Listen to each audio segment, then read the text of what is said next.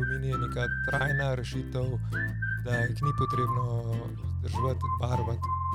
Vemo, da PVC okna v bistvu sama po sebi nimajo svoje statične stabilnosti, da to, kar pač daje, daje jeklo, ki je v večitev, ki je v profilih. Zdaj, če pa kaj ne drži, ne, pa tudi da lesena okna gnijejo, pa tudi ne drži, da les gnije. Življenjska doba aluminijastih oken je neomejena.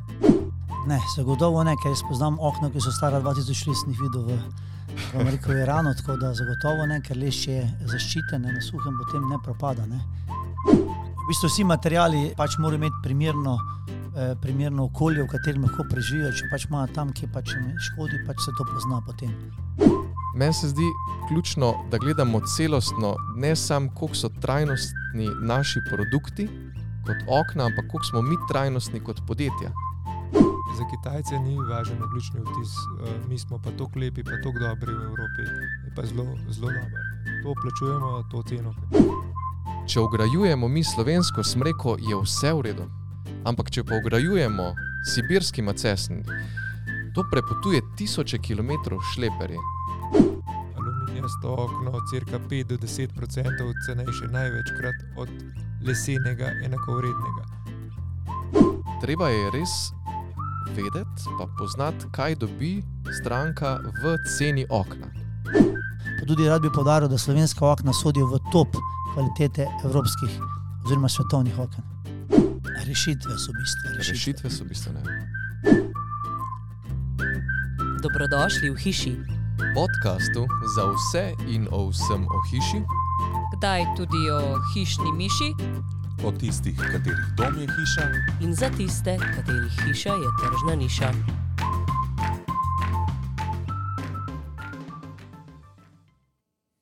Drage poslušalke in poslušalci, pozdravljeni in dobrodošli v 20. in zadnji letošnji epizodi podcasta Hiša.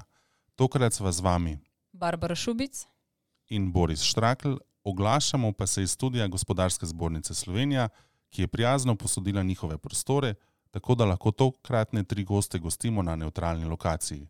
Kot člani Gospodarske zbornice se iskreno zahvaljujemo za to prijaznost. In zakaj je pomembno, da smo na neutralni lokaciji? Ker bomo v tej epizodi žarili, pa ne hrane, ampak predstavnike treh oknarskih podjetij, ki bodo soočili mnenja, komentarje in dejstva o lesenih, PVC in aluminijastih oknih. Pa da predstavimo današnje naše goste. Franci Plibršek je direktor podjetja Mik Celje. Po zaključenem študiju arhitekture se je pred več kot 30 leti podal na samostojno pot, ki ga je pripeljala v proizvodnjo oken.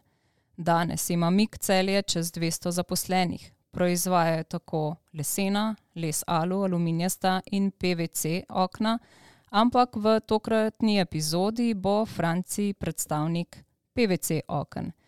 Franci, ko govorimo o PVC oknih, v splošnem uporabljamo izraz PVC ali plastična okna. So plastična okna žaljivka za PVC okna? Ja, jaz mislim, da, da ne, ampak eh, bolj pomembno je, kaj dobimo, kaj, kaj nam produkt daje. Eh, Ali, ali je ime plastično ali pa PVC, je čisto vseeno. Ok, se pravi, če bomo danes uporabili tudi plastično okna, ne bomo žaljivi. Neč ne bote. Super. Miha Boltar je diplomiran ekonomist in lastnik in direktor podjetja Alkam, ki ima 50 zaposlenih in se ukvarja z izdelavo in vgradnjo oken v Sloveniji in širše. Po zaključenem študiju je šel na samostojno podjetniško pot in potem prevzel podjetje po očetu. Aleš Šugovšek je doktor lesarstva, ki je svoj študij zaključil na oddelku za lesarstvo na Biotehnički fakulteti in je svojo poslovno pot takoj zatem začel v podjetju MSORA. Potem pa ga je iskanje novega poneslo v prestolnico na Gospodarsko zbornico Slovenije, odkjer pa se je vrnil nazaj v MSORO januarja letos kot vodja strategije. Ne smemo pozabiti omeniti, da bo Aleš naslednji generalni direktor podjetja MSORA DD. Poleg tega pa je Aleš avtor in soavtor številnih znanstvenih in strokovnih člankov, udeleženec na številnih konferencah, kjer sodeluje kot gost ali pa kot voditelj. Kako ste? Živijo, prav Bo fajn. šlo v redu. Bobo, Alež za tebe vem, Franci in Miha, je to vajen prvi podcast? Pri vas ja. moj pa prvi. Super. ne glede na to, ali je prvi, ali je tretji, ali je petdeseti, jaz računam, da sem imel super in vedno so ti podcasti zelo informativni in zelo pomembni za naše poslušalce. Pa če kar začnemo pogovor o temi. Danes je cilj, da predstavimo lastnosti okn iz različnih materijalov. Prebrali bomo nekaj trditev, ki splošno veljajo med našimi kupci, in se bomo o njih pogovorili, ali držijo v celoti, ali v celoti ne, ali pa držijo delno. In če gremo na prvo trditev. PVC in alu oken ni treba vzdrževati, lesena pa je potrebno vzdrževati vsaka tri leta. Miha, pa kar predajam besedo tebi, se s tem strinjaš? V bistvu, jaz bom govoril o alu oknih. Mislim, da seveda jih ni potrebno vzdrževati, um, je pa s vsako stvarjo enako kot z našim vozilom ali pa avtomobilom, ki ga vsak dan uporabljamo.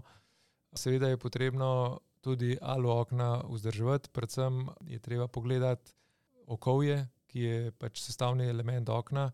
In ta okovje je potrebno vsake toliko časa ali namazati ali pogledati, če pravilno funkcionira, in v morebitni kakšni napaki poklicati serviserja. Vkolikor pa primerjamo to z nekim lesenim oknom, tega okna aluminijskega ni potrebno barvati, ker je že v sami osnovi prašno barvan ali pa je luksiran in daje oknu trajnostno zaščito. Ne.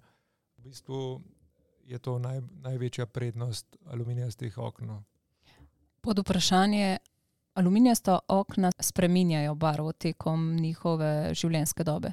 Praktično proizvajalci barv, prašnih barv, govorimo o prašnem barvanju, dajo garancije nekje od deset do dvajset let, da barva ne spremeni na pogled človeškega očesa, da se sprememba barve ne opazi. To pomeni, ke jo merijo v delta E. Torej v primerjavi z lesom sigurno tudi vi, ke delate lesena okna, ne uporabljate aluminijaste pokrivne letve ali pa pokrove lesenih oken, da bi zaščitili vaš lesen okenj. Tako je v bistvu to prednost. Aluminij je neka trajna rešitev, da jih ni potrebno vzdrževati, barvati, kot bi vi rekli. Franci, kako pa je s PVC okni? Ja, je podobno, kot je povedal kolega Miha. v bistvu stavbno pohištvo je zelo pomembno, kako je v osnovi narejeno, ne. Pravi, da ima vse to, kar pač pripisujejo tudi dobavitelji profilov okovja, da ima pravilno količino vgrajenega materiala, pravilno, predvsem pri plastičnih oknih je pomembno pravilno količino statični momenti v krilu, kajti tu se okna zvijajo. Vemo, da PVC okna v bistvu sama po sebi nimajo svoje statične stabilnosti, da to, kar pač daje, daje jeklo, ki je ovečitev, ki je v profilih. To, to je ena glavnih stvar, če je okno pravilno narejeno in tudi pravilno zastekljeno, potem načeloma razen vzdrževanja okovja načeloma ni potrebno stvar. Zelo pomembno pa je, tudi ena velika prednost, ki smo jo mi začeli uporabljati, je, da uporabljamo že STV-trake oziroma lepljeno steklo noter, kar pomeni, da ni povesov. Velika, zelo velika prednost pri servisni službi, tako da, da načeloma potem pride samo še kakšna kapljica olja pri okovju, da pač to steče. Tako da to, to, to je od vzdrževanja, kolega je rekel, tudi predvsem lesena okna so zelo dobra, ampak je pač treba na južni strani verjetno kdaj kaj dati, zato smo dali tudi blendice čez aluminijaste, ki pač, da imamo ta trajnost noter. Lesena okna so zelo dobra, pač, pač morajo biti na zunanji strani zaščitena. Aleš, kako je v resnici z lesenimi okni? Ja, pri lesenih oknih je vseeno drugače kot pri PVC in pri aluminiju oknih. Kar se tiče trajnosti, res tiste dolgoročne trajnosti, ima aluminij brez dvoma veliko prednost, je pa pri lesenih oknih drugače, kot pa si morda ljudje predstavljajo, no. Ali pa kakor velja na splošno v družbi. Lesena okna niso več takšna, da jih je treba po treh letih spet barvati pa štrihati, da bi imeli ljudje ta problem s tem. Za razliko od včasih, ko so bile predvsem tankoslojne lazure na lesenih oknih, so nove lazure, moderne lazure debeloslojne, ki zelo počasi izgubljajo debelino tega premaza.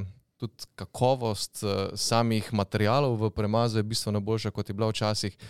Je pa, kar se tiče trajnosti ali pa življenjske dobe lesenih oken, barvanih lesenih oken, predvsem veliko odvisno od tega, koliko so konstrukcijsko zaščitena.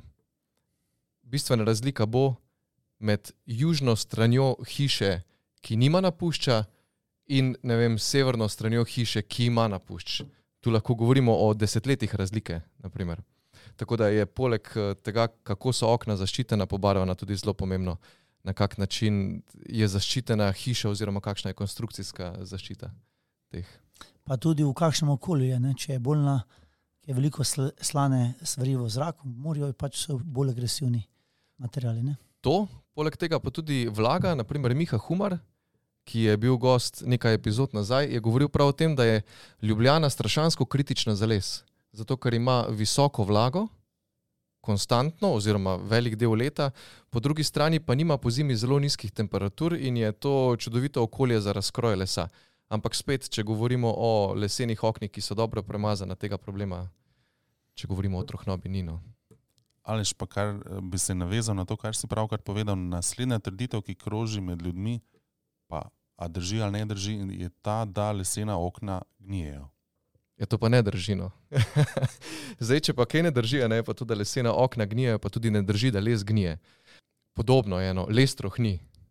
Kdor pomisli na gnitje, ne, ali pa če pomislite, gnitje predvsem poznamo pri, pri sadju, pri zelenjavi, no, pri, pri lesenih oknih, pa res ne. Ko govorimo o trohnobi lesa, je to neposredno povezano z vlago lesa, oziroma ne z vlago, tudi vlago lesa, ampak vlago v ozračju, ker največji sovražnik lesenih oken pa lesa je sama vlaga. To je tudi Barbara povedala v prejšnji epizodi. In takrat pride do trohnobe, če je les dovolj časa vlažen in če pridajo spore, gljive, lesne gljive v kontakt z lesom, takrat pride do trohnobe, ampak gnijo pa lesena okna resne. No? Okay, torej, tole, tole smo ovrgli. Vse skozi zdaj se že pogovarjamo o zaščiti samih materialov. In ena od trditev je tudi, da je življenjska doba lesenih oken najkrajša med uh, okni iz različnih materialov. Pa te, ne, najprej tebe povabim, ali potem pa še Francija in Mihata, kakšne so življenjske dobe oken, ki jih proizvajate. Jaz zdaj bom podal žogico, naprej pa bom fanta vprašal. A mislite, da je les, uh, življenjska doba lesenih okna najkrajša? Ne, zagotovo ne, ker jaz poznam okna, ki so stara 2000 let, nisem videl v, v Ameriki, v Iranu, tako da zagotovo ne, ker les je zaščiten, na suhem potem ne propada. Ne. Mogoče bi pa honi točke prej dodal, ko smo govorili, eh, zelo veliko je tudi sanacije lesenih starih oken, kada je kar klipsne gor ker nima dovolj prezračevanja vmes, tam pa spet pride do kondenzacije, pa do vlage, pa spet do prepadanja lesa. Da to so veliko primerov, ki se jih sedaj loteva, oziroma v preteklosti in ki lahko pride do tega. Če pa je v bistvu les eh, pravilno na suhem, pa je lahko več kot 20 let. Ja, življenjska doba je res pogojena s tem, kako dobro so okna zaščitena. Ali pa les zaščiten pred vlago. Zdaj, jaz imam čist malenkost drugačen podatek o lesenih oknih, vsaj po nekih podatkih, ki sem jih našel, je najstarejše okno je iz, datirano v letu 1066, je v Boxfordu, v eni taki cirkusi svetega Andreja v Angliji, ampak ja, to je tisoč let. Medtem ko če pa gledamo najstarejše lesene konstrukcije, najstarejša lesena konstrukcija na svetu je naprimer na japonskem in uh, sicer tempelj Horjuji, ja, tako. In ta je datiran v leto 570, oziroma ne, konstrukcija je datirana v leto 607, se pravi 1400 let. Da, če je les zelo dobro zaščiten pred vlago, je lahko življenjska doba res dobra. Jaz si lahko dodam, da je v Iraku, v Erbilu, je več kot 20 let staro okno svet. Super, no. mesto. Erbil, Irak. Ja, Pa lesena okna tudi? Lesena okna. Okay. so bile lesene, ni bilo plastičnih, pa aluminijastih. Eh, plastična pa aluminijasta okna se bojo mogla še potruditi, da bojo to dolgo tradicijo zgodovino imela. Miha, kakšna je življenjska doba aluminijastih ja, oken? Je v bistvu življenjska doba aluminijastih oken je neomejena, kolikor seveda obstajajo rezervni deli, tako rekel, za okolje. Uh, v bistvu je tle največji problem. Imate projekte v Sloveniji, ki so narejeni iz aluminija, so stari tudi 70 let in še dan danes funkcionirajo, sicer z nekimi modifikacijami, da se ta okna lahko sploh odpirajo. Ne. Imate naprimer metalko v Ljubljani, znano po aluminiju, v bistvu je cela z aluminija in to je en tak objekt, ki ga mi vsi namenim za aluminij ali pa starost aluminija v Sloveniji. Lahko rečemo. Ja, in tudi objekt, ki ga vsi zelo dobro Ja. poznamo. Tako je.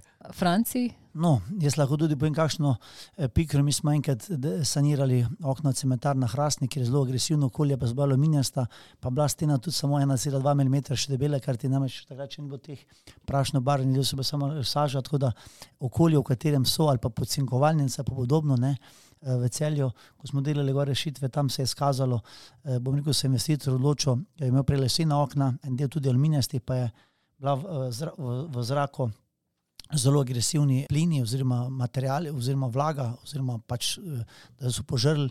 Eh, Tam smo dali noter v bistvu en, en kos metrsko v tisto meter profila in če je material zdržal, da je bil akril kolor takrat, potem se je investitor podsekovalnica odločila za vseh sedem objektov, je dala nam delati, ker pač je material, ki se pri proizvodnju cinka ne uporablja, zelo agresivni in tada so različni materiali, ne, različni vplivi. se pravi, ste takrat ugradili aluminijasta okna ali PVC? Ne, takrat smo dali PVC akril kolor za zunanjo okay. zaščito, tako da je dal več kot 14 dni, je dal noter v, v, bom rekel, v to kislino ta material in je če je zdržal, potem je, smo delali tudi v Srbiji, dva, tri objekta, pa v Sloveniji vse, kompletno podsekovalnico celje. Tu sam dodam, ko govorimo o tem, kje so okna izpostavljena, kako pomembno je pa čisto praktično. Ne? Kar smo testirali, testirali smo tri različne type lesenih oken v, v Madridu, na severu Švedske, v Ljubljani, v Žireh in eh, ta peto okno, Hanover, Hanover, Nemčija. In se je zelo jasno videlo, koliko manjše so spremembe in barve, dimenzij in um, tudi verjetno trohnobe na dolgi rok. Testira, zdaj, ta okna se preizkušajo pet, sedem let, se pravi, trohnobe še ni. Ampak ta razlika, naprimer med Madridom, ki je izrazito suh in vroč, pa Ljubljano, ki je izrazito vlažna, pa naprimer severom Švedske, kjer je spet suho, ampak zelo mrzlo, to so enormne razlike. In zato so tudi verjetno najstarejša okna so na takšnih delih eh, sveta. Naprimer. Ja, Irak, Iran, suho, vroče. V bistvu vsi materiali pač morajo imeti primerno, eh, primerno okolje, v katerem lahko preživijo. Če pač imajo tam, ki pač jim škodi, pač se to pozna potem kar hitro. Ne samo, eh, ne samo na okolju, ki je pač najbolj izpostavljeno, predvsem ob morskih. Vem, ko smo delali okna za Karibe, ne, je pač tam mora biti plastika drugačna, mora biti okolje drugačno. Skratka, ta obmorski svet je kar, kar agresivno, ki vpliva na, na, na, na vsa okna. Ne. Prehajamo pa na besedo, ki je zelo modna, pa upam, da ne bo ostalo samo pri tem, in sicer trajnost. Ali drži trditev, da so lesena okna trajnostna, PVC in alo okna pa ne, ker je les naraven material, aluminij in PVC pa sta škodljiva za okolje?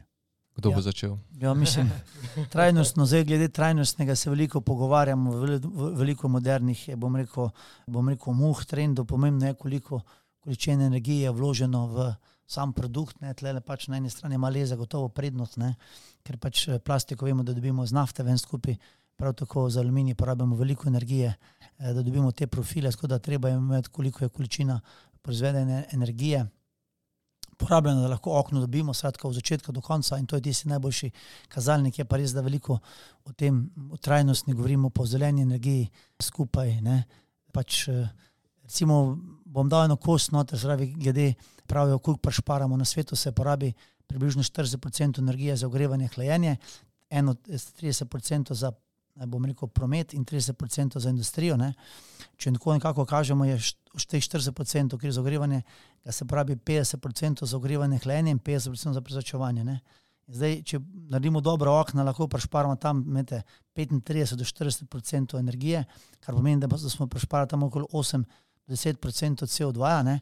Eh, Če pa urujemo prezračevalne sisteme, ki imajo eh, vsej 80 odstotkov ali več rekuperacijo na 75 odstotkov moči kapacitete, pa lahko prešparamo 16 odstotkov CO2 brezoglično. Tako da po, po teh podatkih je v bistvu prezračevanje ima največjo prednost. Bom rekel, pri tem brezogličnem res pa je, če ne prezračujemo, potem nič ne prešparamo. Ne. Miha, so aluminijasta okna trajnostna. Ja, jaz menim, da so, seveda. Uh, je pa res, kot je Franci povedal, mogoče najmanj energi, energije vloženo v leseno okno, ker za proizvodno alu profilov je potrebno kar nekaj energije. Ampak vsi pa tukaj pozabljamo na bistveni element, ki ga ima okno, ne? to je steklo. Ne? O steklu zdaj nismo nič govorili, v bistvu je pa dosti velika znanost v steklu. In kot vem, ste imeli v eni od vaših oddaj tudi enega gosta, ki je malo več povedal tudi o steklu in je tudi dosti zanimiva oddaja, sem jo tudi sam poslušal. V bistvu steklo je pa porabnik rekel, energije enak pri vseh. Tako da v bistvu, ker okno, pa okvir, alu profil, PVC ali le, lesen okvir predstavlja mogoče vem, 10 do 15 odstotkov okna. Tako da v bistvu tle so minimalne razlike. Preden Aleš dam še te besedo, res je, steklo je pač del ali pa en, en večjih delov gradnega elementa samega okna. Pa če ga jih malo pustimo ob strani, a poznate deleže reciklabilnosti vaših materialov? Se pravi, če ne gledamo samo uh, energijo porabe za izdelavo prvega okna, ampak koliko materijala v deležu se lahko uporabi kasneje ponovno. A imate ta podatek? Ja, naša, bom rekel, mi, mi recikliramo 100%, skratka, nimamo odpadka, ne, tudi pri sami proizvodni. Odpadki se vsi reciklirajo, PVC profilov, kar se tiče jeklo, se tudi reciklira, steklo, tudi če kaj razbijamo. Oziroma, če gremo nazaj, skratka, tu je pri nas 100% reciklaža, razen teh opilkov, pač, ko so pač malo pomešani. Tako da iz tega, iz tega je za svojo skupino lahko povem, da je to. Zdaj, jaz mislim, da je v veliki meri možno reciklirati. Čist sto procentov bo težko, ne? ker dejstvo, da vemo, da so okna opremljena z nekim okovjem in da ja se ta okovje vse odstrani iz aluminijastih uh, kril ali okvirjev, ki jih, uh, ki jih v bistvu, uh, ko jih menjujemo, je to težko reči, ampak načeloma je to v bistvu aluminij material, ki ga lahko recikliramo brez problema. Pa se s tem dejansko ukvarjate, se pravi, vzamete nazaj okna vaša ali pa od katerega koli drugega, ko vi ugrajujete nova okna in uh, imate vzpostavljen sistem reciklaže? Da, seveda, mi v bistvu vsa okna največkrat tudi moramo demontirati in ponovno montirati nova. Ne?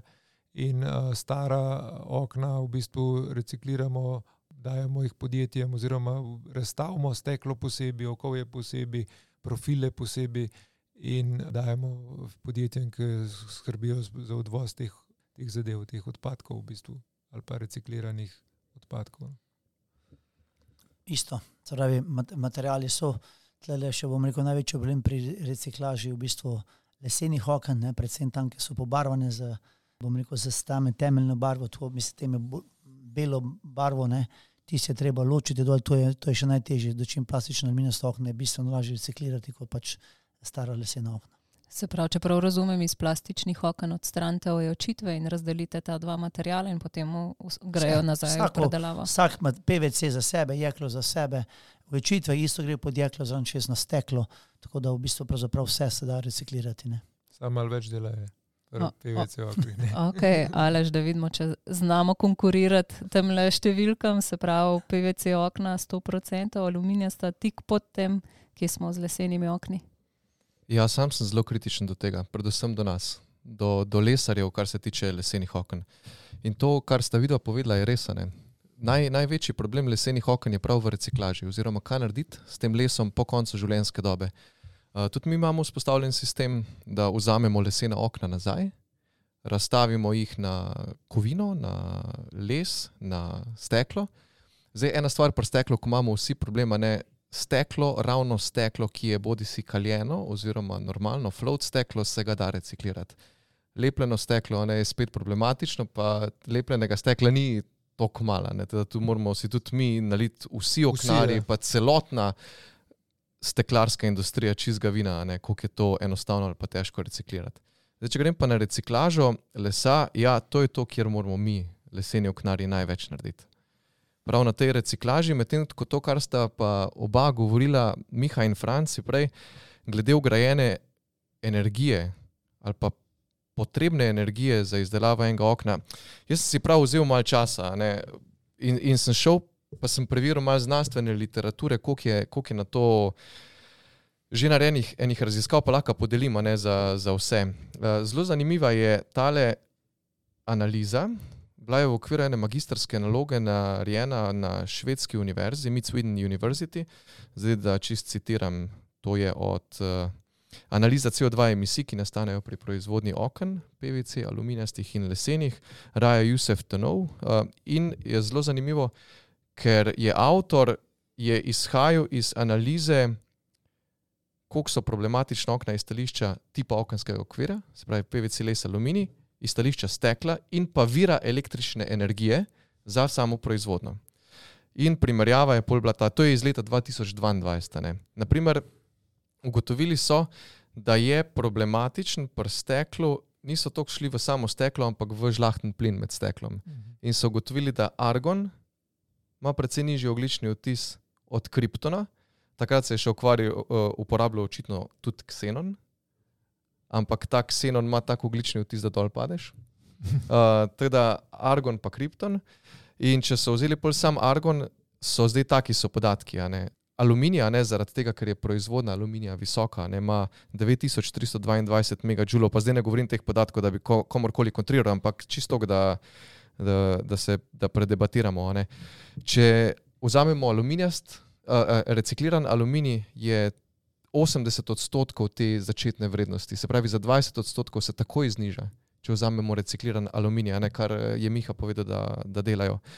Pri PVC oknih je dobrih 4400 MJ, medtem ko pri lesenih oknih je pa pol 1769. Če pa PVC vzamemo recikliran, je pa slabih 3000 MJ za proizvodnjo enega dvokrilnega okna. Ne. Se pravi, s to reciklažo, kjer eh, vi zelo pridno delate, ne, se da to bistveno znižati. Ampak so pol naprej še bolj zanimivi eh, podatki.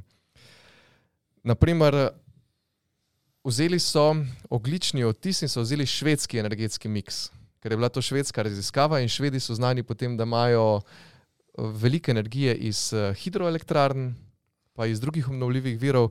In če bi naredili, naprimer, aluminijasto okno, je oglični odtis 461 kg CO2, -ja, če vzamemo pa EU energetski miks, pa 502.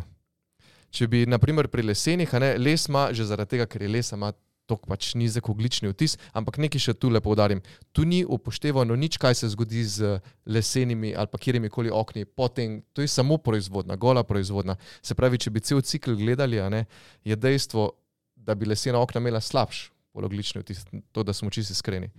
Naprimer, lesena okna, leseno okno ima oglični odtis 90, 59 kg CO2, -ja, medtem ko če bi pa z EU energetskim miksom operirali, je pa to 108 kg CO2. -ja.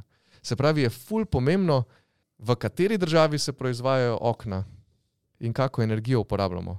In če zdaj zaključim nekako s to trajnostjo, meni se zdi ključno, da gledamo celostno, ne samo, koliko so trajnostni naši produkti kot okna, ampak koliko smo mi trajnostni kot podjetja, koliko je naše delovanje trajnostno.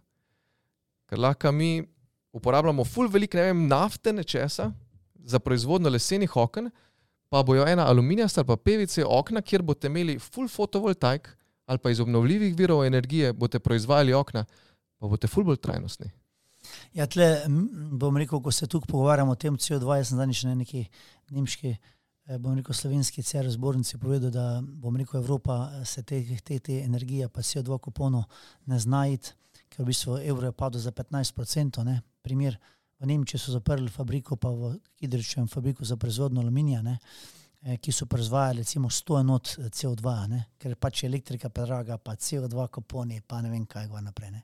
Zdaj pa kupujemo aluminij, proizveden na kitajskem, ki pa fabrika izda desetkrat več CO2. -ja. Zdaj, Evropa zdaj uvaža aluminijaste trubce ne, za proizvodnjo potem aluminijastih in drugih profilov za Kitajske za desetkrat več CO2, mi pa smo na enem planetu, ne, ali zdaj spodaj, ali levo ali desno. Tako da tle smo vsi mal blond, moram priznati te pozicije. V bistvu jaz bi tle malo rekel, da v bistvu se aluminij a, proizvaja večinoma, je znano že odnegdaj, kjer je višek energije. To se pravi, predvsem morate vedeti, da največji svetovni proizvajalec aluminija je Hidro, to je norveška, mislim, da firma, koncern in mi vsi vemo, da imajo geotermalno energijo in a, s tem v bistvu oni zelo uspešen pridobivajo aluminij, ker je aluminij pridobljen s pomočjo elektrolize. Mi se spomnimo, mogoče nekateri v Jugoslaviji so bile neke tovarne aluminija, ki so bile narejene na čist nenormalnih mestih, ne? recimo v Šibeniku. Ne? Je bila največja elektroliza aluminija v bivši Jugoslaviji, ne? Ki je pa danes znano obmorsko letališče. Ne? In v bistvu nobene energije, zelo malo energije, ne? ena reka je tam zraven, pač to je to. Se pravi, tuji, tuji lastniki oziroma tuji podjetja pa iščejo mislim, uh, lokacije tam, kjer je energija. Ne. Se pa strinjam s tem, kar je Franci rekel, uh, da živimo vsi na enem planetu. Kitaj, za Kitajce ni važen oglični vtis, uh, mi smo pa tako lepi, pa tako dobri v Evropi, je pa zelo, zelo dober. Ne. Zato plačujemo to ceno, ki je tudi Franci pomenil. Še en komentar, da vezano na lesene okna, ne, v kontekstu tega, kar ste tudi videla povedala. Kak les ugrajujemo v lesena okna? če ugrajujemo mi slovensko smreko, je vse v redu. Mi dobimo smreko, pa lesene lepljence 30 km čez hrib. Ampak če pa ugrajujemo sibirski macesn, jaz res nisem zagovornik sibirskega macesna kot lesar, mislim, jaz sem proti sibirskemu macesnu.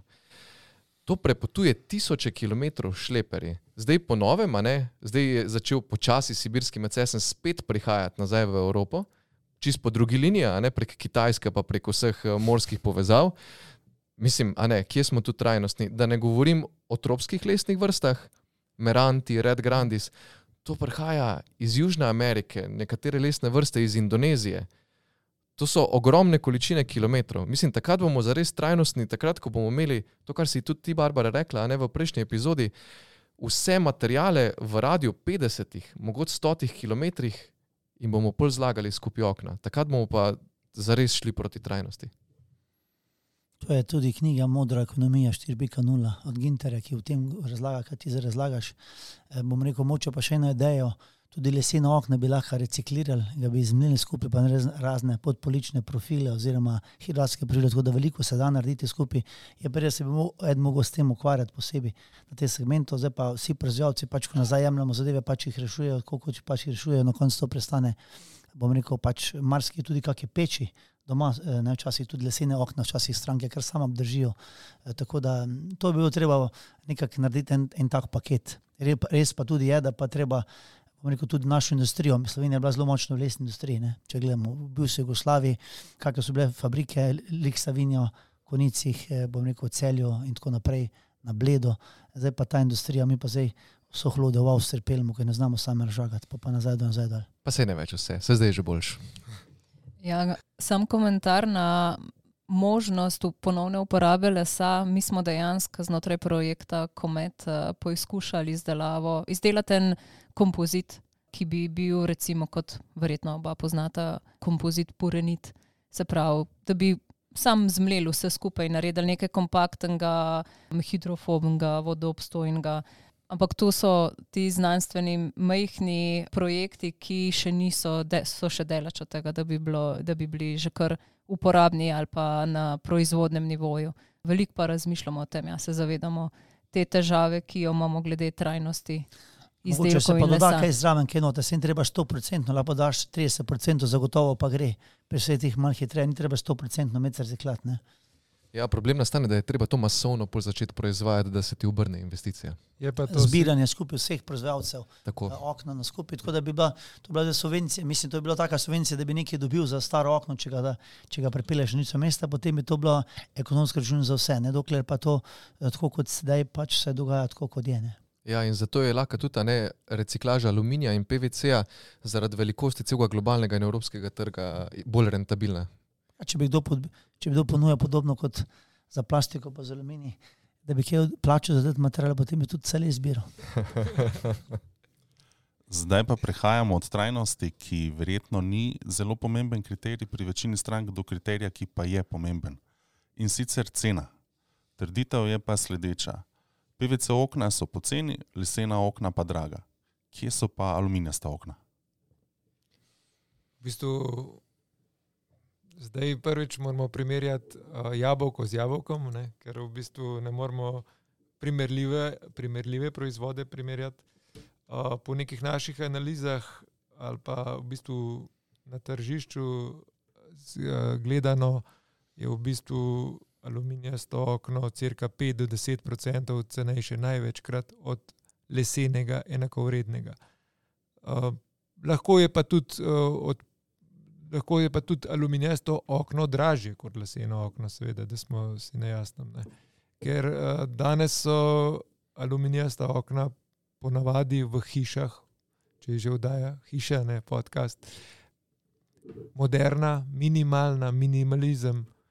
Um, v največji meri se želje strank, da profilov sploh ne vidimo, oziroma aluminija pa praktično ne vidimo, ali pa ga čim bolj minimiziramo.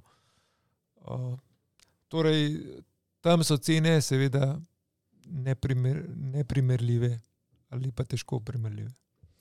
Jaz sem izdal, uh, naše podjetje je izdalo eno knjigo, kako, iz, kako do oken, material in tako naprej. In tam smo zapisali, mislim, pred osmimi leti, da imamo eno hišo, ne vem, 250 km2, če imaš plastično okna, svaj okna, police, rolete, pač to stane nekih 100 enot. Ne?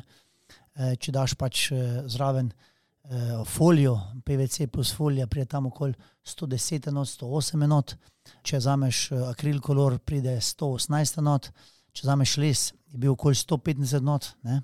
in sedaj, če zameš aluminij, pride okoli 160, 170 enot, les, eh, les, les aluminij zaradi še malo mal dražji, pa okoli 180 do 200 enot, tako da tako je nekako, če primerjaš skupaj, srejo okna, rolete ali žaluzije, police, skratka, vse kompletni mix, da veš, da ne gledaš samo samega izdelka. Ne? Ker normalno pa to, kar je Miha povedal, treba vedeti jabolko, jabolko. Če imaš nek drsno okno ali pa zelo tanke aluminijaste profile, ki si jih lahko prevoši aluminij, ki se ne more niti plastika prošiti, niti les ne skupaj, ker pač ne je statična stabilnost tega produkta taka, treba imeti eno z istem, ampak nekako je ta osnova 100, 135 za les, pa 160 do 170 za aluminij, pa okoli 180 do 200 za les, dober, ali seveda vse ustrezne, iste. Eh, karakteristike statične oziroma toplotne prevodnosti eh, okna. Ja, to je, to je tista pomembna stvar. Veliko krat ljudje ne, ne znajo primerjati jabolk z jabolkom. A je res iste kakovosti to okno, PVC, aluminij ali pa leseno okno? Ne? Je pa dejstvo, ne, da lesena okna so nekaj dražja, se je tudi proizvodnja lesenih okn dražja.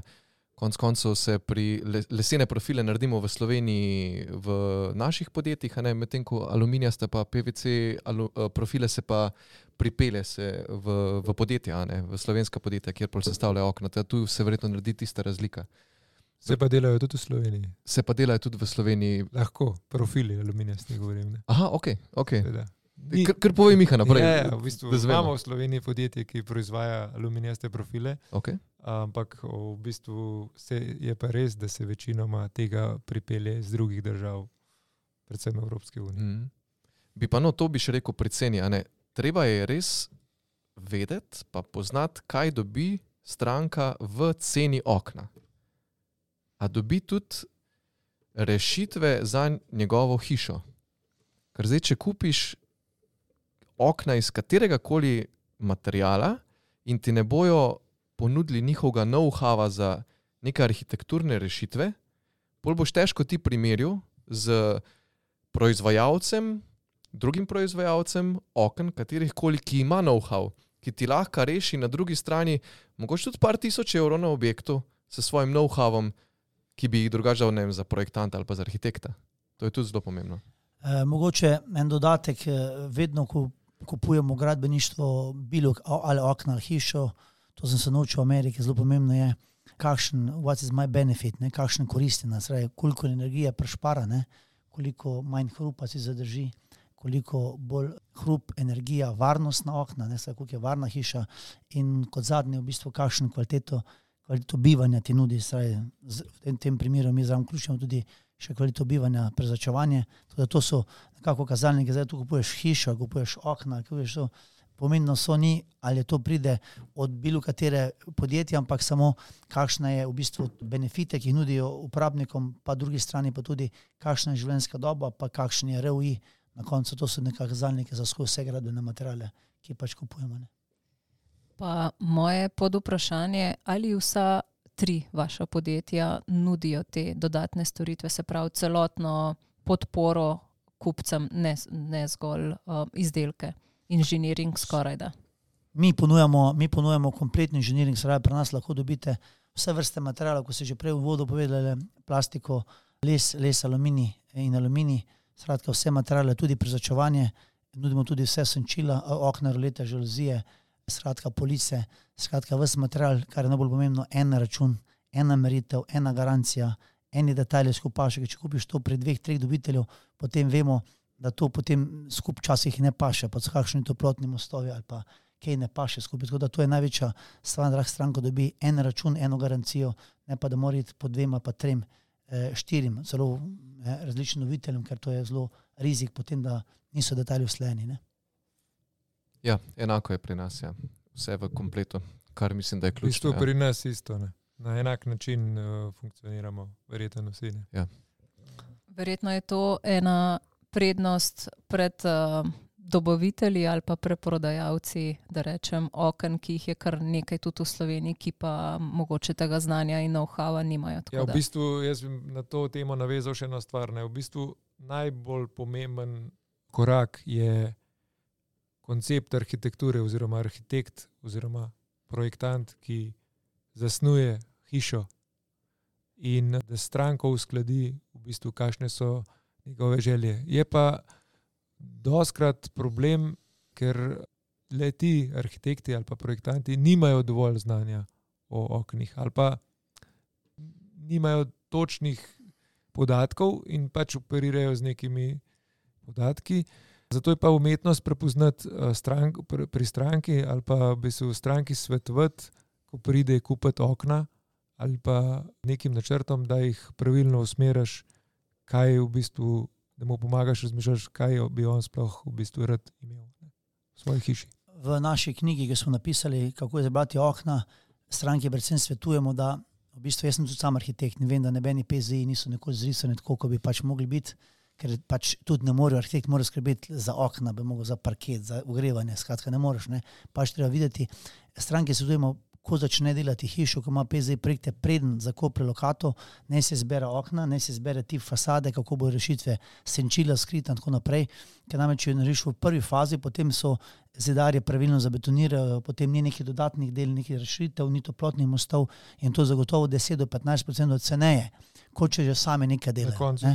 Ne. Tako da uh, tu, je, tu je pač treba enkrat, treba zbrati se, odločiti se, zbereš na začetku, pa potem na sredini, ampak je zagotovo 10-15% ceneje, preden zakupiš lopato, da zbereš, kakšno okno boš imel, kakšne rešitve, kakšne opcije, enak, ki ti želijo. Vsi imamo, da v se zrišemo okna, bom rekel, ko se pa zriše, štok pa krilo, ne? zdaj ali nizek prak, ali visok prak, ali ovo ali drugo. To so pač opcije, ki pač jih imajo različni profili.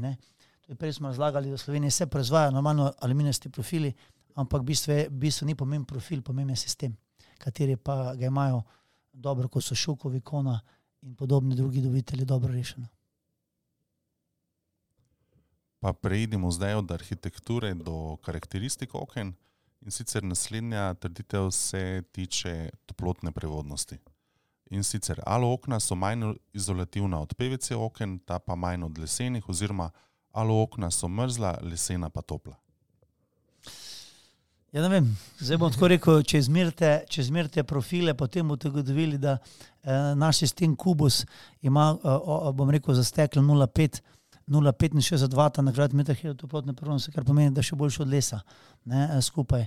E, tako da, ampak e, jaz mislim, da toplotne karakteristike, ki jih namenjamo, skupaj so zgolj teorija. Ne? Najbolj pomembno je, kako je okno potem narejen.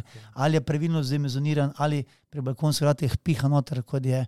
Eh, bom rekel na 2,50 m, in tako naprej. To, to so ključne stvari, ena so teorija. Zato je tudi tisto, kar rečemo, da je treba dati izdelek v tesno komoro, kar testirati. V našem podjetju ponujemo tesno komoro, kjer lahko damo noter okno in prezračevanje naše in konkurenčno za bodočega investitorja. In lahko rečemo, ne vem, sedem dni zime, 24-urni ciklus, Ljubljana, Mintna, Toronto. Ne, in tako lahko vidimo, kako delujejo prezračevalni sistemi, kakšna je temperatura zunaj, kakšna je znotraj. Prav tako po sedem dni zime, oziroma sedem dni poletja, v bistvu uh, ugotovimo, kakšne gibanje štoka odkrila in to tisto, kot je govoril o sami kvaliteti. Mi moramo gledati, kakšna je kvaliteta ugrajenega okna v praksi, ko je že na, na terenu. Mi, mi lahko to v naši tesni komori simuliramo. Ampak, če pa govorimo o samih okvirih oziroma o samem materialu, a drži, da so razlike v toplotnih prehodnostih med materijali? Seveda držijo, so materiali, se to se enostavno se zračuna, pa se Fizikalne Ide. lastnosti. Ne? Oziroma v profilih oken iz različnih materialov, da, da se bolj točen izrazi. ja, pro, različni profili imajo različno, Prevod. različno prevodnost. Eh, Jaz sem rekel, naš sistem Kubus, ki ima en del tudi zapolnjen z porpenom, pač ima eh, okno ugrajeno, narejeno, eh, bom rekel, velike dimenzije, ima eh, 0,65 vata, ne vem, kar je zelo, zelo dobro. Ne? Eh, tako da tukaj, eh, predvsem je prav podaril še enkrat, da ni pomembna teorija, važna je praksa. Tu je pa velika razlika v sami Sloveniji, pa tudi v Evropi. Pa tudi rad bi podaril, da slovenska okna sodijo v top kvalitete evropskih oziroma svetovnih oken. Se strinjam. Ja, tudi sam, ni razlike. Na koncu imamo vsi trije proizvajalci, imamo od 0,65 pa do 1,2 imamo karakteristike profilov. Da, to, je, to je to. Je pa mogoče res, a ne samo, da ko se pa dotakneš enega materiala, a ne, pol pa da mogoče občutek res eh, les, da je bolj top, ampak to zaradi tega, ker že po naravi deluje kot izolator, a ne, ampak v sami prehodnosti, prevodnosti okn. Pa. Ok, pa naslednja trditev in sicer PVC okna, ki niso bela, se krivijo. PVC okna, ki niso bele, se krivijo prvi, če niso z pravega materiala, drugi, če nimajo pravilne statične očitve noter skupaj. Ne. Vemo, da eh, barna, barna morajo biti okna akril kolor ali, ali folija, eh, mora biti privijačena na 15 do 20 cm razdalje, dočim bele so na 35 do 40 cm, to je vse odvisno od tega. Tako da pravilna statična uječitev je tista, ki narekuje kvaliteto kvaliteto, bom rekel, eh, okna. Če pa seveda to ni prav, potem pač pride do vseh teh stvari, ki ste rekli, do povesov in podobno. Kakšne barve so lahko PVC okna, da so primerne? PVC okna mi ponujamo, uh, predvsem prodamo več kot 50%, če mi prodamo 100 enot uh, PVC oken, prodamo tam okoli 52% akril kolorja, ki je zelo, ki odbija sončne žarke do, uh, bom rekel, veliko, se pravi, se segreje, če zunaj 15 stopinj, se zagreje okoli 45 do, eh, do 57 eh, stopinj temperatura okna, eh, dočim eh, fo- foliran profil se zagreje tam med 70 in 80 stopinj, mi pa vsi vemo, da okno pri 80 stopinj deluje bistveno bolj raztevski pa skrčil kot pri 50 stopinjah, zato tudi mi eh, te folirane profile uporabljamo samo tam okoli 12-13% in okoli 36% belih profilov. Zdaj pa, če se še mal na višino oken skoncentriramo. Trditev je, da je maksimalna višina PVC oken nekje 2,3-2,5 metra in da so aluminijasta okna lahko izdelujejo bistveno višja.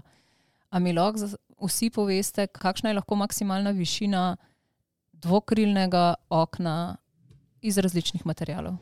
Kakšne ste že izdelali? Mogoče tu pa bom prezal besedo drugim. Pri, pri plastičnih oknih je, če, zdaj- če že je 600 paskalov pritiska, potem so bile tam okoli balkonska vrata 90 krat 235, 240 za 600 paskalov pritiska. Če pa imaš, torej to pomeni, da imaš X v krilo, tam okoli 3,5 do 4 cm na 4. Ne?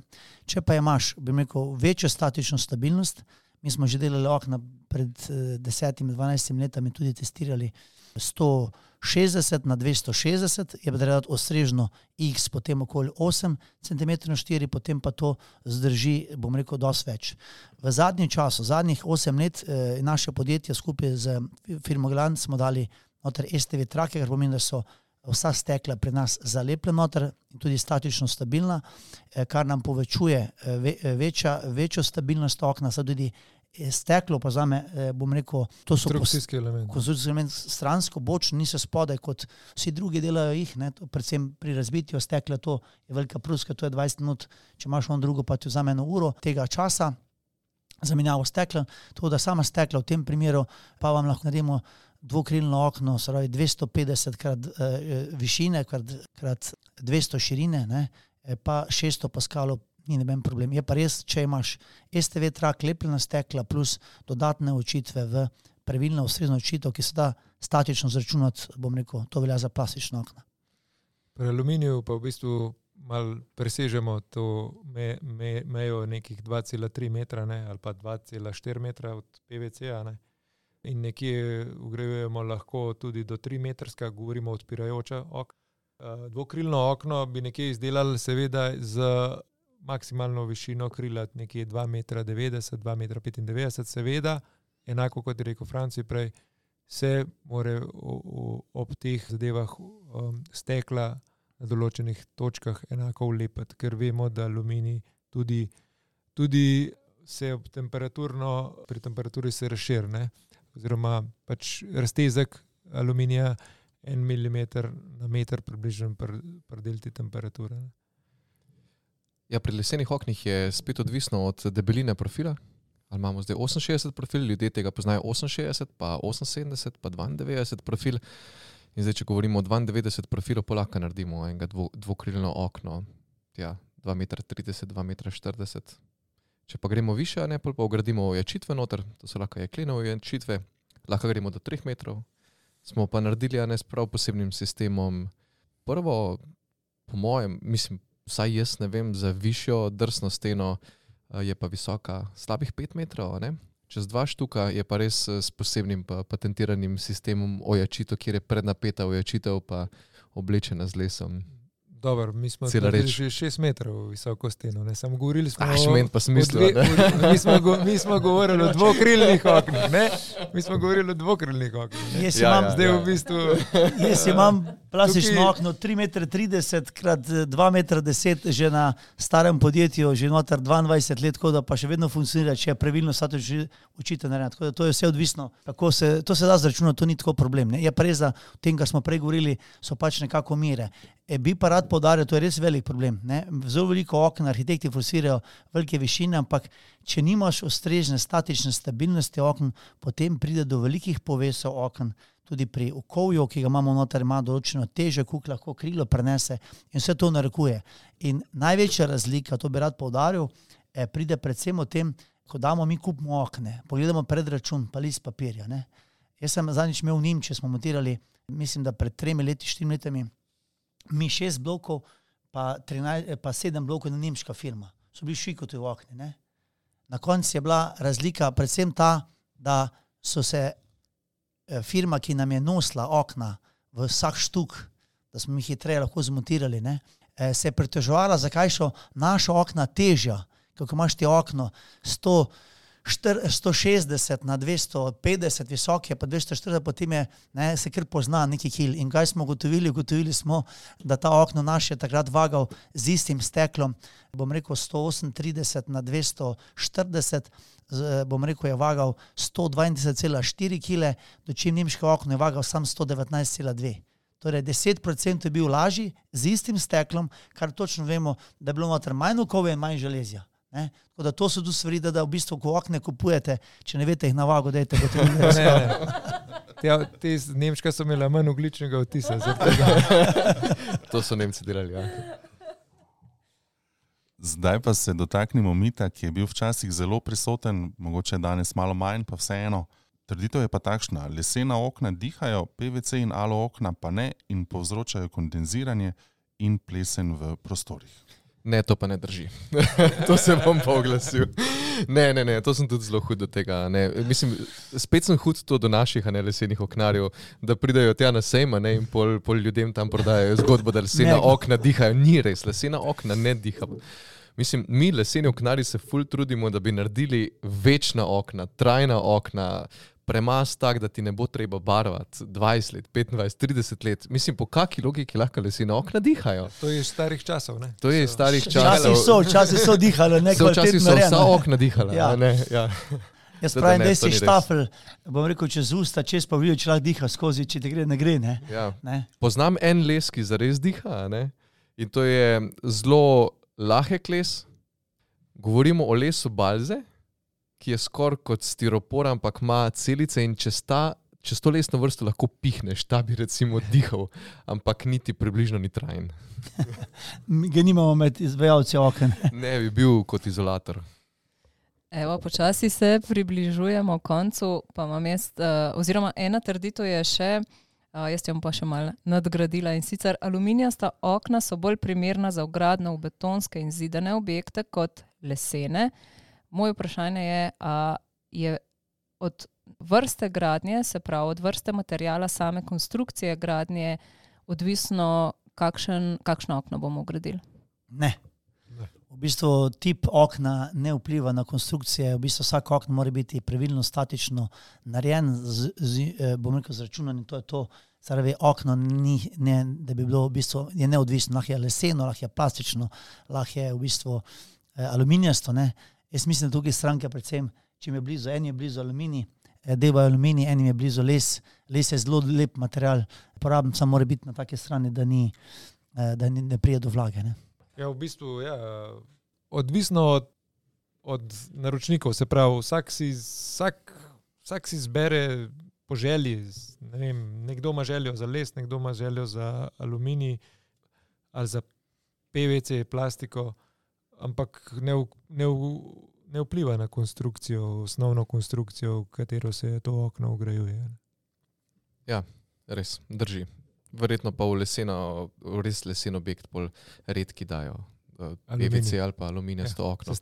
Ja, to. Ampak res, to, kar smo že večkrat danes podarili, v Sloveniji imamo ful dobra okna iz vseh materialov, sam ta pravimo ponudniku pejte.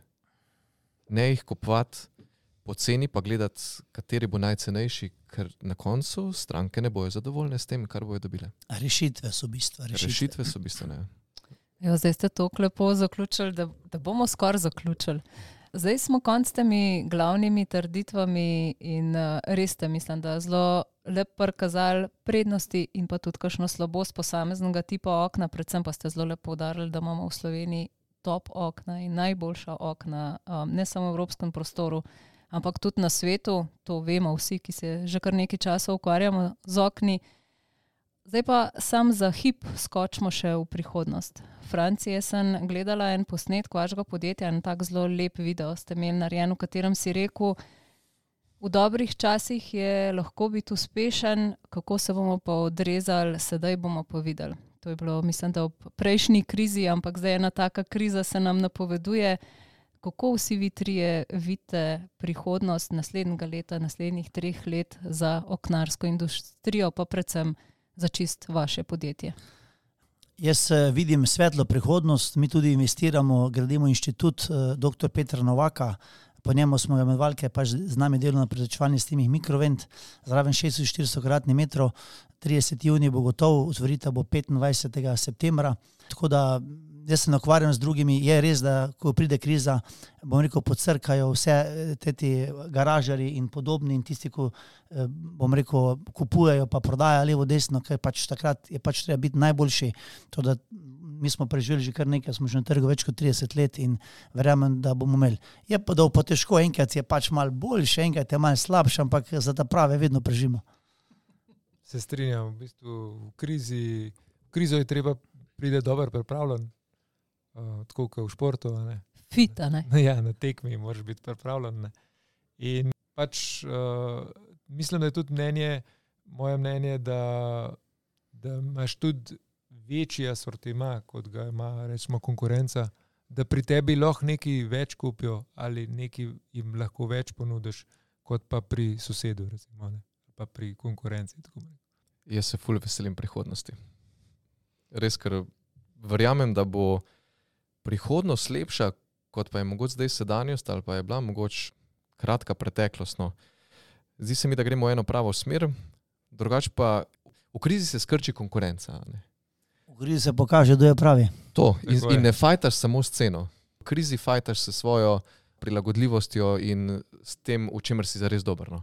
Tako da verjamem, da bomo vsi trije iz tega išli zelo dobri. Kadar je veliko popraševanje, takrat imajo dobri proizvajalci veliko dela, pa tudi pride tisti, ki so slabši. Pa Ko sam govorijo, dobijo posel, ko je pa manj dela, potem pa ostane samo za ta prave. Ja, super, se pravi, se kriznih časov tisti, ki smo, ki so fit, uh, kar veselimo. a ne? Ja, mal, mal špeha smo si pustili vseeno. Hvala vam za koristne informacije, sledi pa par ključnih povzetkov pogovora.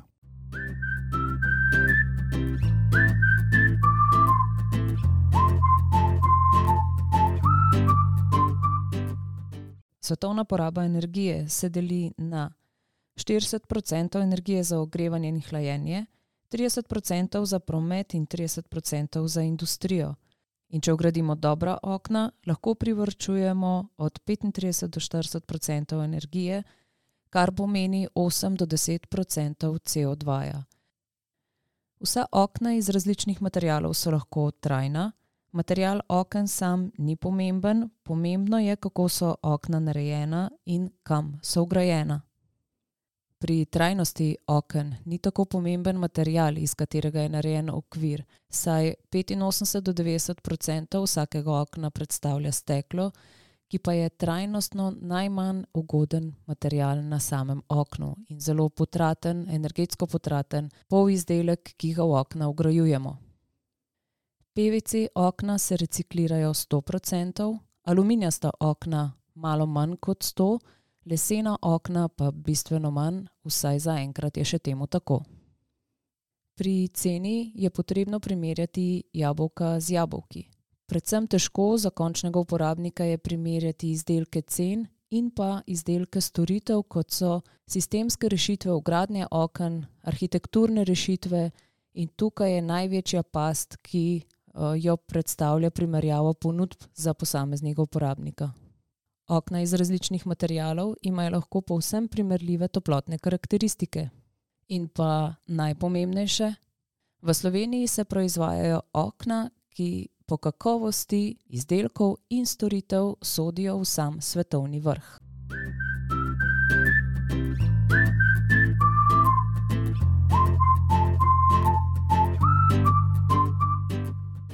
Sledi pa še zadnje stalno vprašanje našim gostom. Vprašanje se pa glasi tako: kaj je v tvojem domu, kjer živiš, nekaj zares posebnega, oziroma kaj je tebi v tvoji hiši najljubše? Miha, pa bi kar s tabo začeli. Celo življenje sem bil v doma v hiši, potem sem se kasneje preselil v, tudi v hišo, ampak v center mesta, kjer ni vrta. In moj uh, najboljši prostor v hiši je terasa zunaj. To se pravi, da se lahko usedeš zunaj na teraso, kjer lahko gledaš na prelepe Kamniške gore. Wow, super, se pravi, dober razgled na terasi, pa kaj, Dober, kaj, dober. kaj na mizi. Poleti mrzlo pivo. Tako, Franci. Ja, če rečemo hiša v firmi, noter mi je najboljša sejna soba, kjer so rojstni dnevi, pa fešte, pa kakšni dobri eh, predlogi padajo glede bodočnosti, jutrišnji dan, eh, kar se tiče pa, bom rekel, doma, pa sigurno terasa, pogledom na, na lep eh, okolico okoli mene, z bazenom, pa mal kak ža, na kaj na žaru, gor, to je verjetno najlepši kotiček. Joj, pri nas v stanovanju ni pa nič zares posebnega, je pa zelo živo stanovanje. Veliko lesa je drugače okrog našega stanovanja. Jaz kot lesar nekako ne morem iz tega. Pa imam kdaj kar kako tesno polje okoli. Ampak ena stvar pa je, ko mi je posebej pri srcu, mogoče zaradi zgodbe, dali smo narediti eno leseno, masivno mizico, kjer stoji zraven in imaš gor računalnik. Zdaj, ta, ta mizica je iz Javorja, naredil jo je zdaj že bivši sodelavci iz naše firme in je surova, surov Javor je. Zdaj, zakaj je surov Javor, si sem jo mislil polakirati. Pol mi je pa enkrat nekdo rekel, Dej, zakaj bi jo polakiral, ker na, lej, na tej mizici pa se bo vino pilo, pa se bo kaj polilo, pa bo otroci kaj polili in boš imel večne spomine, zato ker tega ne boš mogel ščistiti. In to drži. In ta mizica iz Javorja ima vedno več spominov in zaradi tega je posebna. Ja, to je Javorjeva spominska knjiga, že ratala. ne? Franci, Miha, Aleš, eh, res iskrena hvala, da ste bili naši gostje. Lepo vas je bilo poslušati in dragocene so vaše izkušnje in uh, vaše informacije. Hvala za povabilo in eh, se veselim podobnih eh, oddaj, da stranke čim več zvejo, da se znajo odločiti, kje kupijo prava okna. Enako pa so srečo v naslednjih podcastih. Hvala. Hvala vsem, ki ste bili z nami v 20. epizodi podcasta Hiša.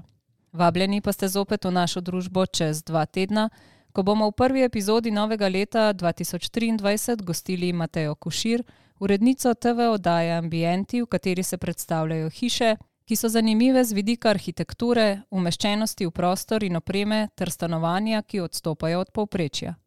Želimo vam drzno leto 2023, v katerem pa ne pozabite na pravo mero zdrave kmečke pameti, spoštovanja in pripadnosti vsemu, kar vas dela boljšega človeka. Do takrat pa vse dobro in srečno v vaši hiši.